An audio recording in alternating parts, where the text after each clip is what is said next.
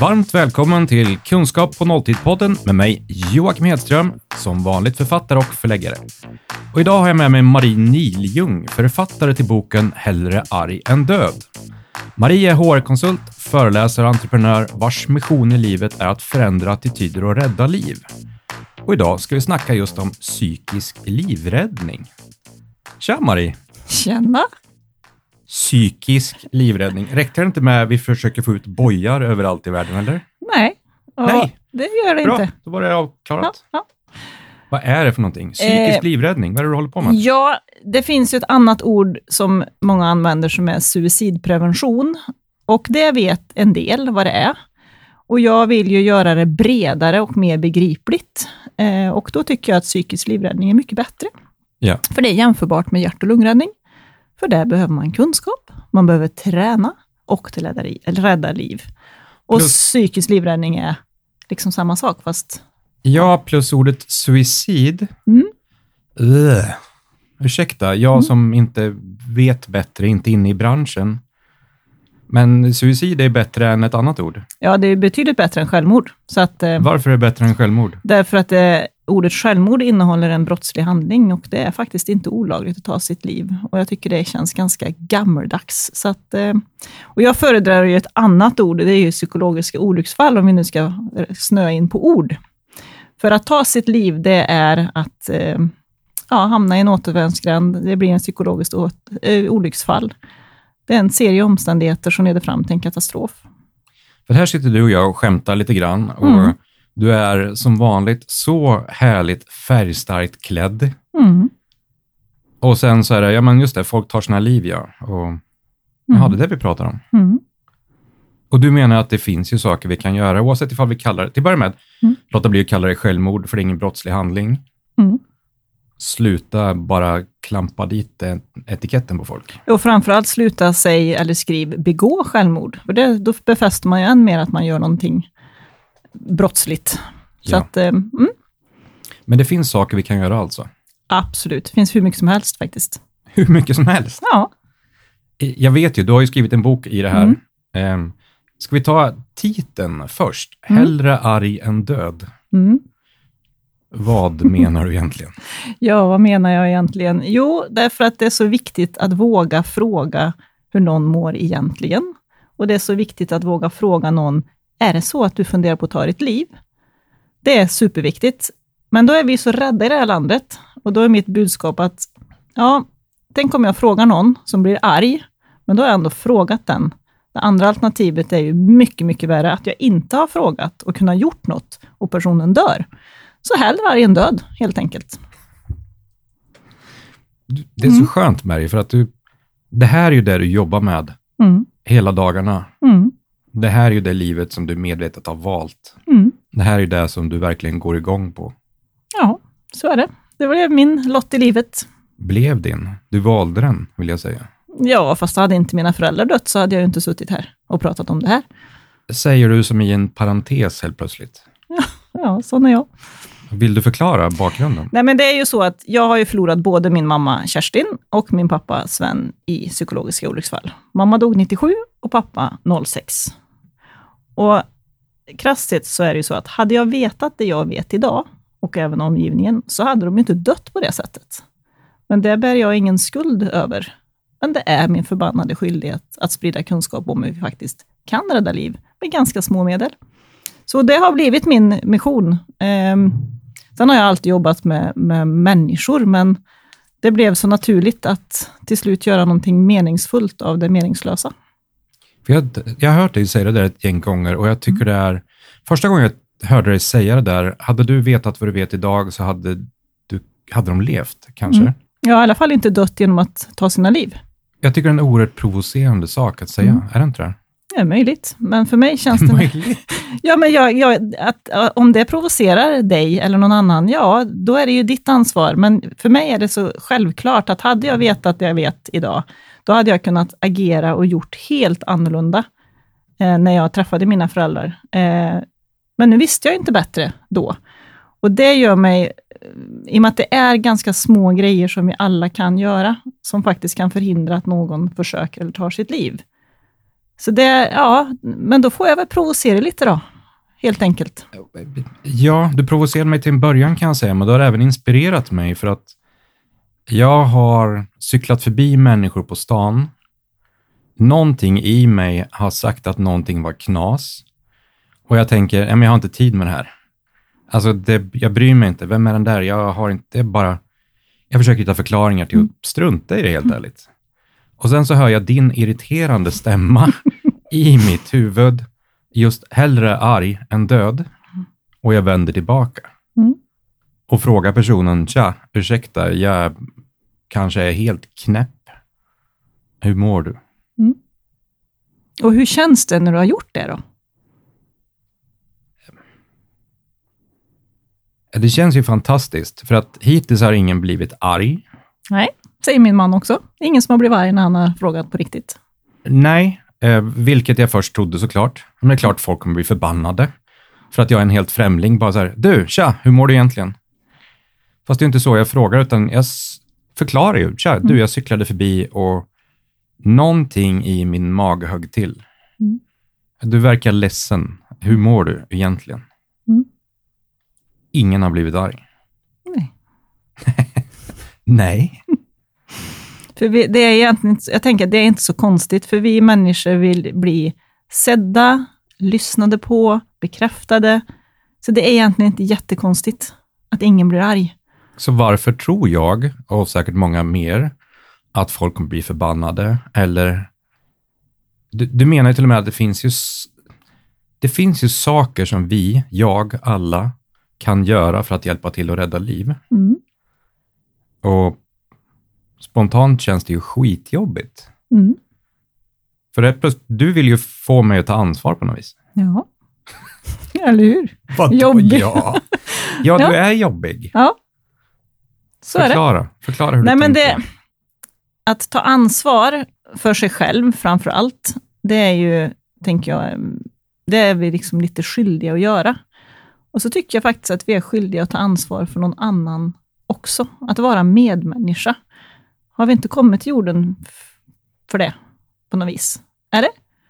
Sen tror jag varför det här är så svårt att ens fråga någon hur man mår egentligen. Det är, ju- vi bor i Sverige, här ska man inte här ska man säga hej hej och så ska man inte göra så mycket mer. Man ska inte lägga sig i, tyvärr. Eh, och att hålla på och prata om döden, det är ju inte heller något vi gör. Och det här med att ta sitt liv, skulden och skammen och stigmat som är kring det, tror jag hänger ihop med att det faktiskt bryter mot normen som är att leva. Vi räddar liv, vi räddar små bebisar i veckor som man, ja, man tror nästan inte att det går. Vi håller människor vid liv i nästan absurdum, skulle jag säga. Eh, och att då någon bryter mot det genom att då slarvigt säga inte vill leva. Jag tror att det är det som utmanar och att man blir väldigt rädd. Eh, och rädsla och okunskap, det är farligt. Helt enkelt. För jag kan ju berätta från mitt liv. Jag, jag funderade i stort sett dagligen i 15 år på att ta mitt liv. Mm. Och det här vet du. Mm, det vet jag. Från att jag var tidig tonåring fram till, ja, men, jag vet inte, 30 någonstans, när livet vände. Mm. Och för mig var det för mig var det en trygghet att tänka på alla sätt jag kunde ta mitt liv. Mm. Men det fanns ju ingen som på riktigt såg eller ville förstå. Och när jag väl berättade för min pappa första gången, hej pappa, jag har sökt hjälp på vårdcentralen. Och det, det var tio år. I tio år hade jag funderat på att ta Mm. mitt liv och mått Mm. dåligt. Mm. Och jag klarade inte längre av att hålla det inom mig, utan jag liksom, jag tappade synen och allt möjligt. Mm. Och han svarar, ja, ja, men det har vi ju sett en stund. Hur kändes det att få det svaret? Som en jävla örfil. Mm. Och jag, jag, är förälder själv. Jag vet att det är skitsvårt att försöka stötta barn på något sätt och föra jobbiga diskussioner. Men det hade inte krävt att pappa gjort något speciellt. Han hade kunnat sagt, du, tja, jag ser någonting, jag vet inte vad det är eller vad jag ska göra. Hur Mm. mår du? Jag hade kommit ganska långt med det. Det hade kommit väldigt långt. Mm. Men jag tror att han, han lever inte längre. Ehm, han hade svårt att prata känslor, svårt att gå på djupet i saker. Mm. Så att prata just om det här, ja men hej, min äldsta son verkar må jättedåligt och det ser vi ju. Mm. Mm, Så Vad ska jag göra? Ja, men ingenting. Det är väl lättast. Det kan ju kännas så först, men det är ju inte lättast. Nej. Nej. Jag blev förbannad, Mm. men jag kan ju inte ställa krav på honom heller att han ska göra saker. Nej, kanske inte. Men jag tycker nog ändå, med kunskap, om, om vi vet, om vi får reda på att vi kan göra saker, då har vi faktiskt ett ansvar att göra det. Mm. Jag vet, jag vet hur mycket du älskar att prata om det här och du menar det verkligen. Mm. Du älskar att sätta fingret i sidan på människor och säga, tja, vet du vad? Om du bara lär dig lite mer så har du ett ansvar sen. Mm. Och vad är det vi kan göra? Alltså, egentligen är det väl flera saker. Dels är det, ja, men vad är det jag ska leta efter? Ja, dels så, så tycker jag vi ska bli uppmärksamma på att se förändringar. För det ser vi oftast på barnen eller sambon eller någon jobbarkompis som kanske drar sig undan, eh, är inte med på fikan. Man, man märker, när, så fort man märker att det är någonting som är annorlunda, då ska man våga fråga. Sådär empatiskt, påträngande, nyfiket, kärleksfullt. Hur är det? Jag ser att det är något. För det där, om jag bryter in, det där är ett ord, ett uttryck du ofta använder. Mm. Vad var det för uttryck? Empatiskt påträngande. Exakt. Mm. Och inte Förklara. ge upp. Alltså Vad man, innebär det? Ja, men det innebär att jag, jag vill, jag är mån om dig, jag bryr mig om hur det är med dig. Och så vet vi att det är lite knub, knubbligt att prata om känslor och lite svårt. Då behöver jag vara lite empatiskt påträngande. Då måste jag våga kliva över fast jag tycker att det är lite läskigt. Eh, som Astrid Lindgren säger, ibland måste man göra saker man inte vågar, för annars är man ingen människa, utan bara en liten lort. Ja. Jag tänkte sitta och vänta där en stund, Mm. det kunde bli världens längsta poddavsnitt. Det hade det du- kunnat bli när jag rasslade till i huvudet. Men att våga eh, säga, göra någonting när man ser att något inte stämmer, oavsett om det är en kollega eller ett barn. Och sen finns det ju något magiskt här. Det är det här mitt mantra som är då, våga fråga, våga lyssna, våga agera. Det där, våga lyssna. Ta dem där igen, för du tar dem så snabbt och de är så Mm, självklara det. för dig. Ja, men jag tog dem snabbt nu för att jag skulle gå in på dem lite mer. Men våga fråga, det har vi pratat om. Våga fråga, hur är det egentligen? Fast någon kanske blir arg, fast vi vet att sällan blir någon arg.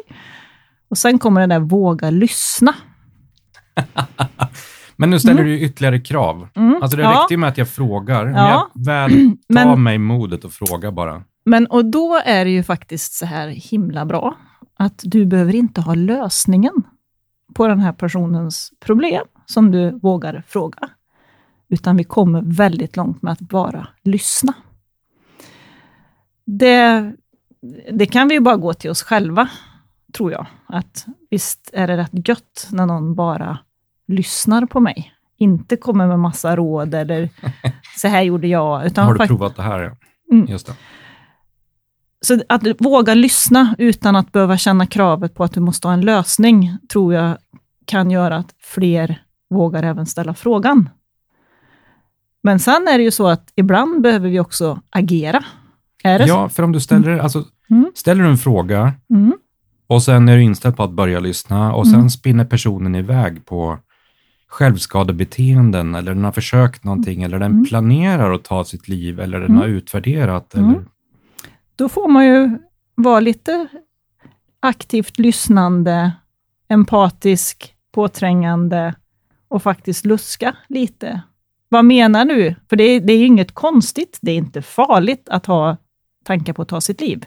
Gör inte alla människor det? Eller Ja, jag, tror, jag, har, jag tror att alla någon gång har tänkt tanken, jag skulle vilja dö. Sen kanske det inte är för att man är psykiskt sjuk eller har någon livskris, utan man kanske bara är jädrigt magsjuk. Då kan man tycka att det här är så svårt så jag vill faktiskt bara dö. Eh, sen hur många som går med liksom suicidtankar som tar över ens liv, det vet jag inte. Jag har inte haft aktiva tankar på att ta mitt liv. Men att vara trygg med att det inte är farligt. Om jag skulle få det, så okej, det, här, det här var nytt. Det här behöver jag fundera på. Det här är varningssignaler ändå. Att man ska dela de här suicidtankarna med någon. Det är superviktigt. Ja, för du menar att det går ju att sätta och prata om det här. Ja. Och då kan man ta en, alltså om, om du kanske någon gång som jag vaknat sådär vid trerycket med någon tanke som växer och växer och man, oj oj oj, vilket stort problem det är. och sen på morgonen så pratar man om den här tanken med någon. Och bara genom att prata och sätta ord på det så hör man ju själv att, vänta här nu, hur tänkte jag? Ja. Eller man kan få den andra att ge sitt perspektiv. Så det behöver ju inte vara så stor tanke som att fundera på att ta sitt liv. Det kan ju vara någon annan, men att vi behöver dela dem med någon. Ja, för att, ja men håll i dig, det kanske skulle gå att fråga folk hur de mår, inte vet jag, rent allmänt. Mm. Och sen lyssna på hur de mår. Mm. Men det är just de här situationerna när man ser någonting avvikande. Mm. En person ändrar beteende i någon form. Ja, eller någon svarar, nej men det är bra. Ja, du säger det, ja, men jag ser någonting annat. Att då våga ställa frågan igen, ja men hur mår du då? På riktigt egentligen, beroende på vad man har för relation. Sen, ja, är det någon som börjar prata om sitt självskadebeteende eller någon, alltså någonting, ja, då får vi ju återigen lyssna. Sen, det du kan göra för att minska rädslan, det är ju att öka din kunskap. Läs på om de vanligaste diagnoserna som finns, till exempel depression, ångest. Hur kan man hjälpa någon som har det? Vad innebär det att ha en bipolär sjukdom? Att lära sig lite mer. Vad innebär det att ha en ätstörning av något slag? Missbruk av något annat? Alltså det, kunskap, det är en trygghet och det är det som, ja, kunskap och mod. Det, det krävs i alla frågor. Men om någon säger uttryckligen, ja men, Mm. jag funderar på att ta mitt liv, jag mår totalt skit, eller det är ingen poäng med att leva. Mm. Då får du ju ställa följdfrågor. Okej, du säger att du inte vill leva. Har du tänkt på hur? Har du tänkt på när? Beroende på var i processen den här personen befinner sig. För de allra flesta, det är en process. Det är ingenting som kommer från en blixt från en klar himmel. Nu fick jag en tanke att ta mitt liv och så agerar jag på det. Utan det är en process och då behöver man ta reda på var någonstans, hur akut är det? Och är det så att du säger, men jag vet precis hur jag ska göra, när jag ska göra det, då får du faktiskt agera. Det kan innebära att du kör personen till psykakuten, för det finns tyvärr inte jättemycket alternativ. Att, Men vad ska jag göra? Liksom, ta fram buntbanden och Ja, surra ihop personen du har ju faktiskt rätt att använda både nödvärn och nödrätt för att förhindra att någon... För det här är intressant. Mm. Förklara den biten. För att det är lätt att fundera så här, men vad kan jag göra? Personen vill ju verkligen inte ha hjälp någonting. Och jag är rädd för att om jag åker hem nu så kommer den personen att dö i natt. Ja, då får man ju... Ett annat alternativ att man ringer 112 och säger, nu har jag en person som är akut suicidnära, jag behöver hjälp nu. Och då försöka att inte lämna personen. Men man får ju också försöka ta bort saker som kan, har de ett eh, vapen eller någon, ja, då, då, man ska ju inte riskera sitt eget liv, men är det en som är på väg och ska hoppa för en bro, ja men håll i. Eh, jag brukar säga att det är lite jämförbart, det är lika akut som när någon får en hjärtinfarkt. Och då kommer det här med hjärt och lungräddning in igen. Ja. Ja. Om jag faller ner här så skulle du troligtvis kunna hjärt och lungräddning Ja. och så skulle du börja ge mig hjärt och lungräddning. Ja. Men du skulle inte fråga mig om jag vill ha hjälp. Eller hur? Nej, Nej, fast du är inte kontaktbar då. nej. Tänker jag och så tänker jag tillbaka till Mm. när jag själv mådde dåligt och jag var inte riktigt kontaktbar för jag Mm. gick omkring i något svart univers. Mm. Schysst, tack. Mm, mm. Tack för den. Och då är det lika akut, livshotande, om någon är i en akut suicidsituation. Då Ja. måste du bara agera. Och då handlar det inte om att, ursäkta, vill du ha lite hjälp? Utan då är det att bara agera. För det går att be om ursäkt till en person som har överlevt. Jag, jag sitter och skakar på huvudet här bara för att men, du vet vad du ska säga för att ja, men, jag sitter med tårar i ögonen. Du vet vad du ska säga. Du säger någonting så är du tyst. Mm. Ja. Och så ser jag energin i dina ögon, verkligen passionen för vad du håller på med. Mm. Men du, det- du har ju en laglig rätt faktiskt också att brotta ner folk. Mm. Ja. Förklara. Ja, det är väl så enkelt. Behöver inte förklara.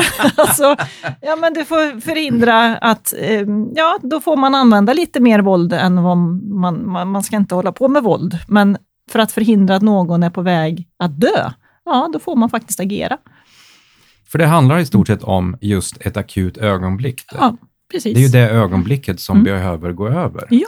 som brukar säga någonting. Mm. Det är ju inte så vanligt att man har en akut suicidtanke, dödslängtan som håller i sig, utan det kommer ju gå över. Och då behöver vi vara medmänniskan som sitter där och håller handen tills det kommer att gå över. This too shall pass.